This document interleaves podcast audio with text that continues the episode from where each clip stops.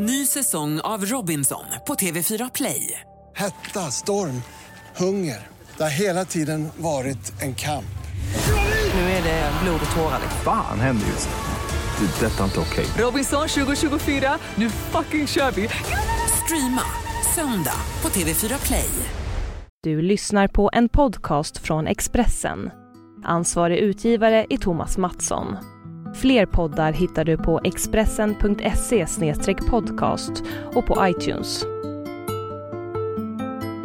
För två år sedan levde de tillsammans. Nu dödar de varandra. Män hukar bredvid kulsprutor. Byar är förintade. Barn traumatiserade. När jag kryper in i en skyttegrav på frontens västsida möter jag till sist någon som kan ge mig ett svar på vad galenskapen handlar om. De är vanliga människor. De vill bara ha fred. Precis som ni.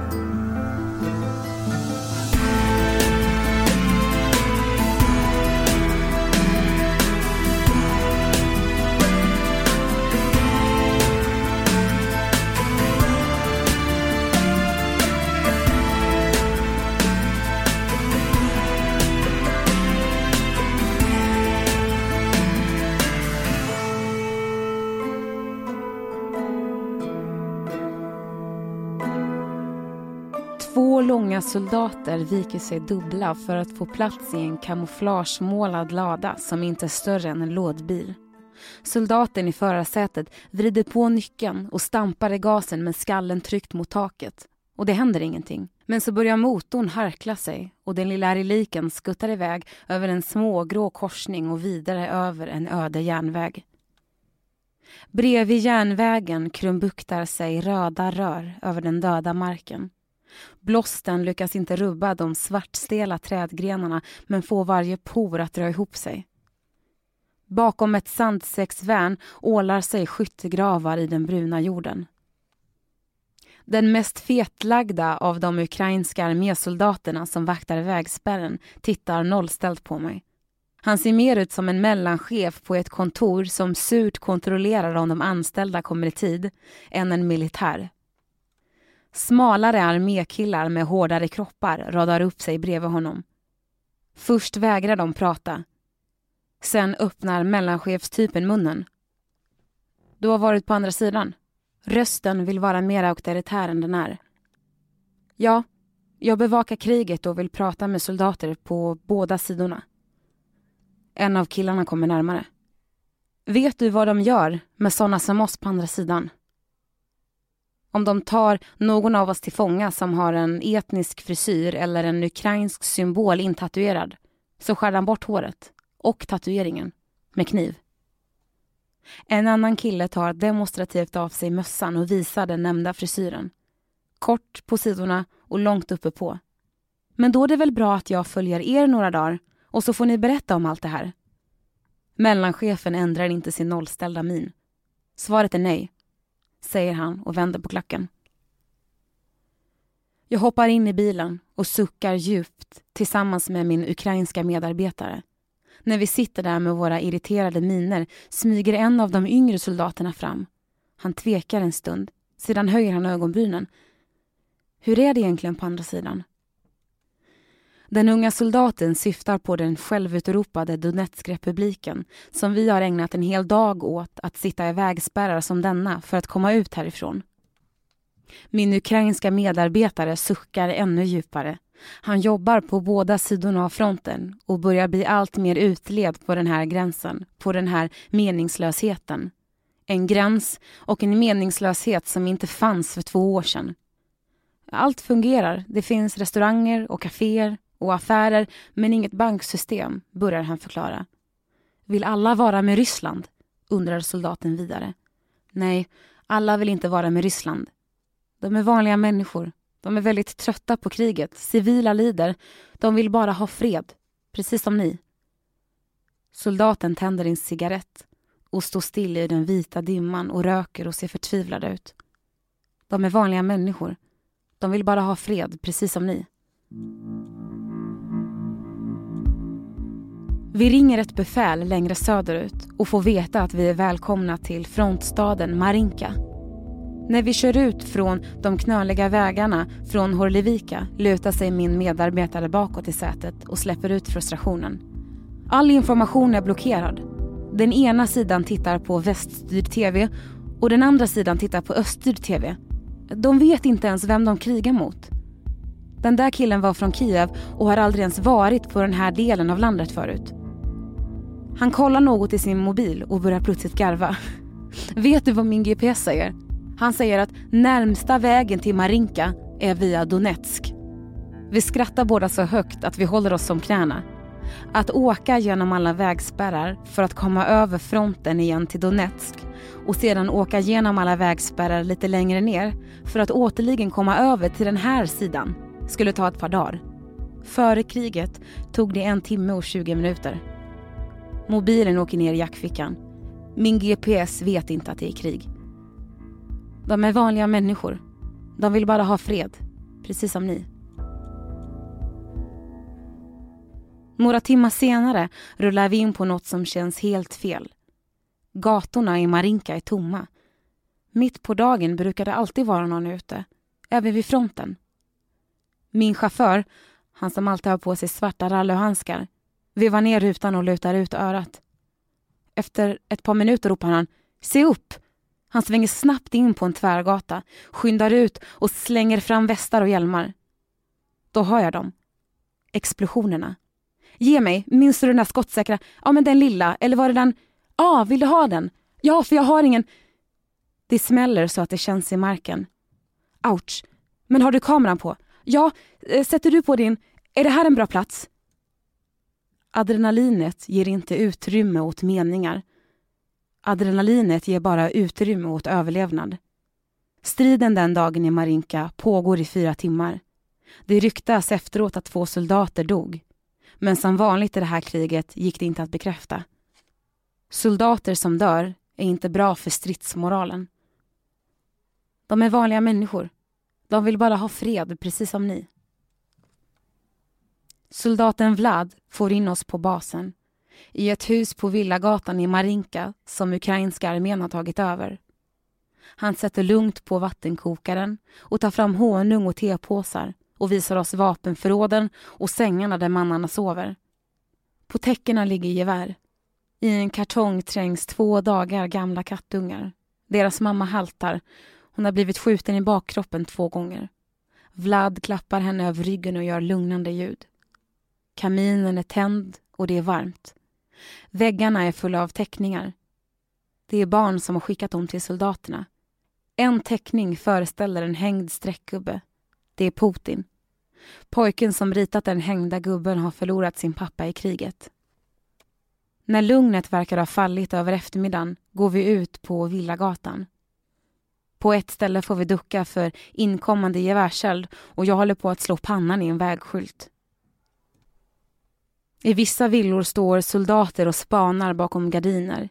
I andra bor det barnfamiljer. Mammor med traumatiserade döttrar. Äldre par som vägrar lämna sina hem. Ett utedass är fullt av grovkalibrig ammunition. En hink är full med finkalibrig. Positionen som ligger längst bort på Villagatan är den farligaste. Den är byggd ovan mark, mitt i en korsning.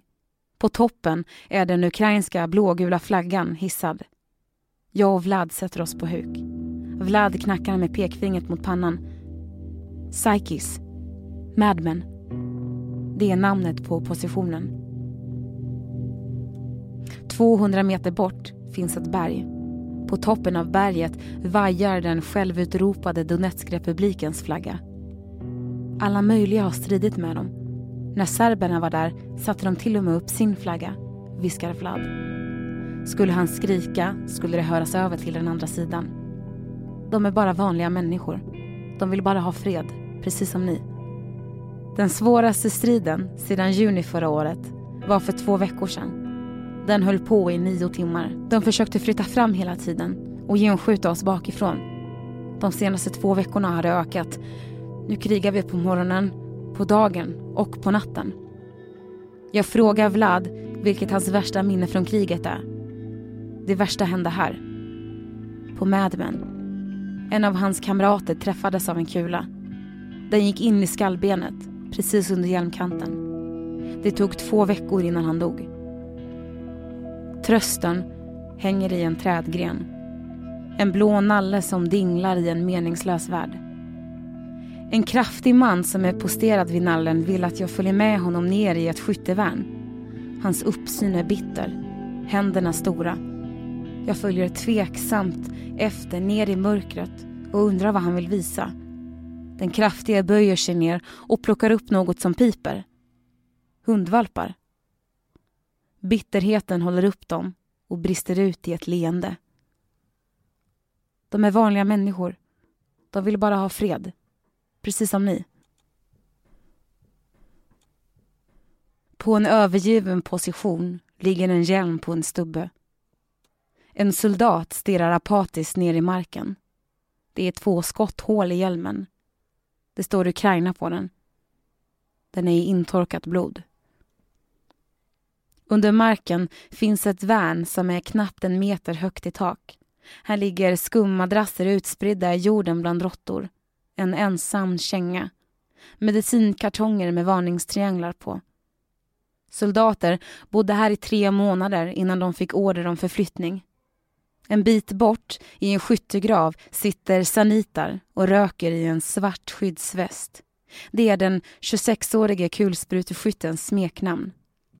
Längs skyttegraven ligger förbrukade RPG 22 utslängda.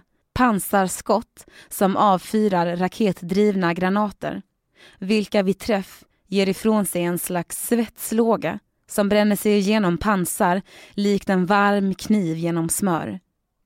Det är kallt och blött och luktar bly. Leran kryper upp längs benen och fastnar överallt. Sanitar lutar armbågarna mot låren. Jag har varit här i åtta månader. Ingen kommer och byter av oss. Alla är extremt trötta.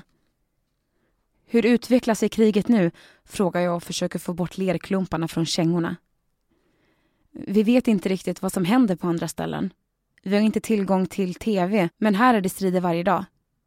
Även när det inte är hårda strider kan de beskjuta oss med gevärsgranater och granatkastare. Han blåser ut rök och blir tyst. Vilka är det som strider på andra sidan? I början när vi kom var det en enhet som kallas 15th Motorized Rifle Brigade. En internationell enhet med folk av olika nationer. Vi såg tjetjenier. Vi har också sett ryska elitsoldater och ryska marinsoldater. De roteras var 25 eller 28 dag på andra sidan, men vi har inte roterats på över ett och ett halvt år. Hur vet du att det var ryssar och tjetjenier? Det vet vi med all säkerhet, för vi känner igen deras sätt att strida. Ryska soldater strider mycket bättre, har bättre vapen och är bättre organiserade än miliserna från Donetskrepubliken. Och tjetjenerna har en gerillaliknande stridsstil. Det han menar med gerillaliknande är jägarstrid. Det vill säga att små grupper gör överraskande anfall mot större grupper med syfte att störa ut för att sedan försvinna i terrängen. Är det här ett inbördeskrig eller ett internationellt krig? Sanitar behöver inte fundera på svaret. När kriget bröt ut var det ett inbördeskrig mellan Ukraina och Donetskrepubliken. När ryssarna gick in blev det krig mellan Ryssland och Ukraina, som många olika parter nu strider i.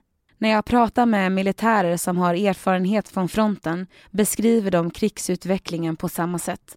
Att det började våren 2014 med strider mellan främst ukrainska frivilligbataljoner och miliser i de självutropade republikerna. Frivilligbataljonerna stred eftersom ukrainska armén var katastrofal och nermonterad. Det fanns också organisatoriska och moraliska problem då armésoldater skickades in i byar som regeringen förlorat och när de mötte folkmassorna visste de inte vilka de stred emot, eller varför, eller hur de skulle göra det.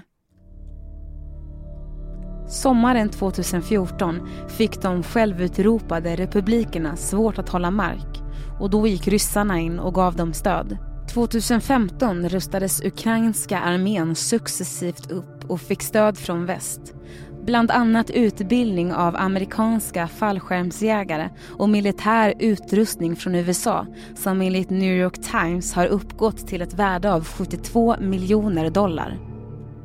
Humvees, övervakningsdrönare, kommunikationssystem, mörkersikten. Exakt vilket stöd Ryssland och USA har gett till de stridande parterna i Ukraina är i dagsläget oklart. Kulspruteskytten Sanitärs teori om Ukraina-kriget delas av analytiker. Det brukar kallas för ett hybridkrig.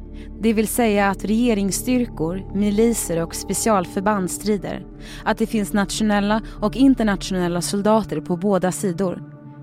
Att de är reguljära, frivilliga och kontrakterade. Och att det utöver detta pågår en psykologisk och ekonomisk krigföring i form av propaganda, internetangrepp och handelssanktioner. På marken har det i huvudsak tagit formen av ett ställningskrig mellan en väststödd ukrainsk armé och ryskstödda miliser i öst. På marken längs frontlinjens dimridåer ser det dock inte ut som ett modernt hybridkrig. På marken ser det ut som första världskriget. En hund stryker sig mot sanitär. Han klappar den mjukt. Det är bara hunden som kan springa mellan positionerna över fronten. Hur är det egentligen på andra sidan? Hunden vet mer om det än tv-kanalerna. De är vanliga människor. De vill bara ha fred, precis som ni. Pavel är en äldre man som ser ut som de gamla fiskargubbarna gör på mitt lantställe i Dalarna. Han säger att han är en prickskytt, en född jägare med goda nerver. Hans gevär är ett ryskt Dranugov från 1960-talet. Vi sätter oss bredvid varandra på en träbänk. Det finns mycket bättre och modernare vapen idag, men jag gillar det här, säger han. Gillar du ditt jobb? Nej, jag gillar definitivt inte mitt jobb. Men vad kan jag göra? Jag måste göra min plikt. Det min regering har anvisat mig att göra. Vem strider du emot? Ryssar, ukrainare, tjetjenier, buryater från Sibirien, alla möjliga. Varför slåss du mot de här människorna? På grund av politik. Det här kriget är ett politiskt spel. Men det är ju du som måste trycka på avtryckaren. Absolut, det är jag som trycker av. Men jag måste försvara den här orten från de som vill ta den och ingen vet vad de ska ta sen. Kanske vill de ta andra städer som Mariupol eller Kiev. Jag har ett hem, jag har en familj. Jag vill försvara dem. Jag vill inte leva som en slav. I Ryssland lever de som slavar. Jag frågar hur han känner när han trycker av. När jag trycker på avtryckaren ser jag en kropp som faller ner. Och Gud vet vad som händer med den personen sen. Helt klart är att jag känner smärta. Jag känner den personens smärta. Och jag kan också när som helst bli träffad av en kula. Kan något gott komma från det här kriget? Inget gott kan komma från det här kriget. Det är bara negativt. Inget positivt. Det är inte vårt krig. Båda sidors soldater är bara marionetter. Han berättar att han saknar sin familj. Att han är dödligt trött, bara vill vila, kunna slappna av och känna sig som en vanlig människa.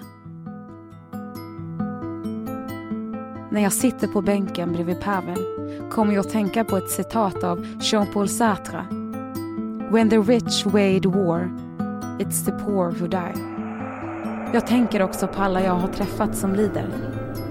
På båda sidor av frontlinjen. Och på alla som jag har skrattat med. På båda sidor av frontlinjen. De är vanliga människor. De vill bara ha fred. Precis som ni.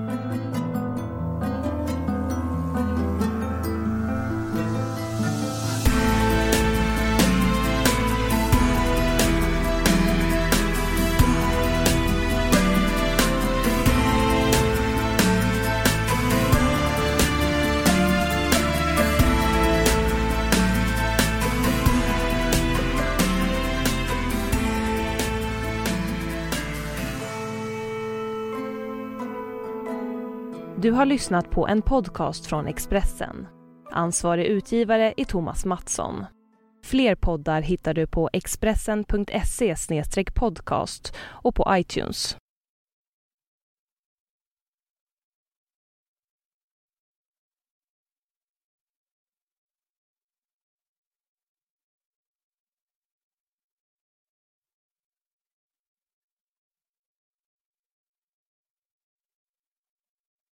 Ny säsong av Robinson på TV4 Play.